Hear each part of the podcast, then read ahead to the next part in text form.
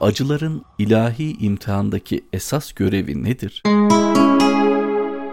Bu dünyanın yaratılma hikmetlerinden biri de insanın derecelendirilmesidir. Hayatın maksatlarından biri de işte bu derecelendirilme ihtiyacının giderilmesi için insanın imtihana tabi tutulmasıdır. Kur'an'daki tabiriyle alay-ı illiyin adı verilen yüksek dereceyle esfel-i safilin adı verilen en aşağı derecenin varlığı insanın bu iki derece arasında konumlanacağını göstermektedir. Her bir insan bu iki seviye arasında bir nokta tutturacaktır. Hiçbir şey insan kadar yükselemez, hiçbir şey insan kadar alçalamaz. İşte imtihanlar insanın bu iki uç arasında konumlanmasını sağlayan çok tetikleyici güce sahip bir takım faktörlerdir. Şayet imtihanlar olmasaydı yüksek ruhlarla düşük ruhlar aynı mertebenin insanı olacaklardı. Ebu Bekir de Ebu Cehil de aynı seviyenin insanı olarak tahakkuk edecek ve aynı muameleye tabi tutulacaklardı. Hal bu olunca yaşamın yaratılma gayesi de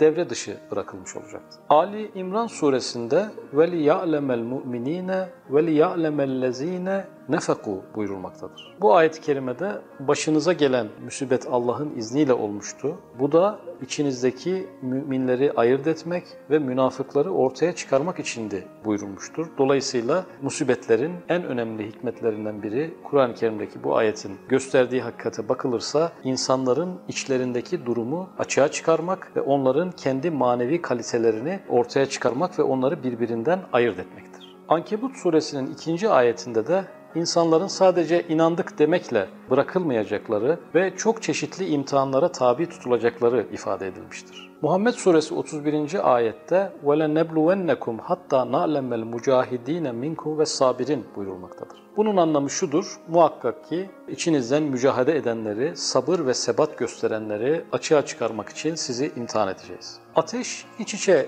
yaratılmış varlıkların mesela altınla toprağın birbirinden ayrışma işlemine yardımcı olur. İmtihanlar kalite bakımından insanları birbirinden ayırdığı gibi her bir insanın da olumlu ve olumsuz özelliklerini birbirinden ayırarak ortaya çıkarır. İmtihanlar insanın en derinlerine ayna tutar ve insanın içindeki Ebu Cehil'le Ebu Bekir'i, Firavun'la Musa'yı ayırt ederek kişinin özelliklerini birbirinden tefrik eder. Mevlana Hazretleri Mesnevisinde taş taşlıktan geçmedikçe parmaklara yüzük olamaz, parmaklara yüzük olmak dileyen taş yontulmayı göze almalıdır buyurur. İşte imtihanlar da nasıl sıradan bir taşı parmaklara yüzük haline getiriyorsa, sıradan bir insanı da çok kıymetli alay illiğin mertebesinde Allah'ın özel bir kulu haline getirinceye kadar onu yükseltmeye devam eder.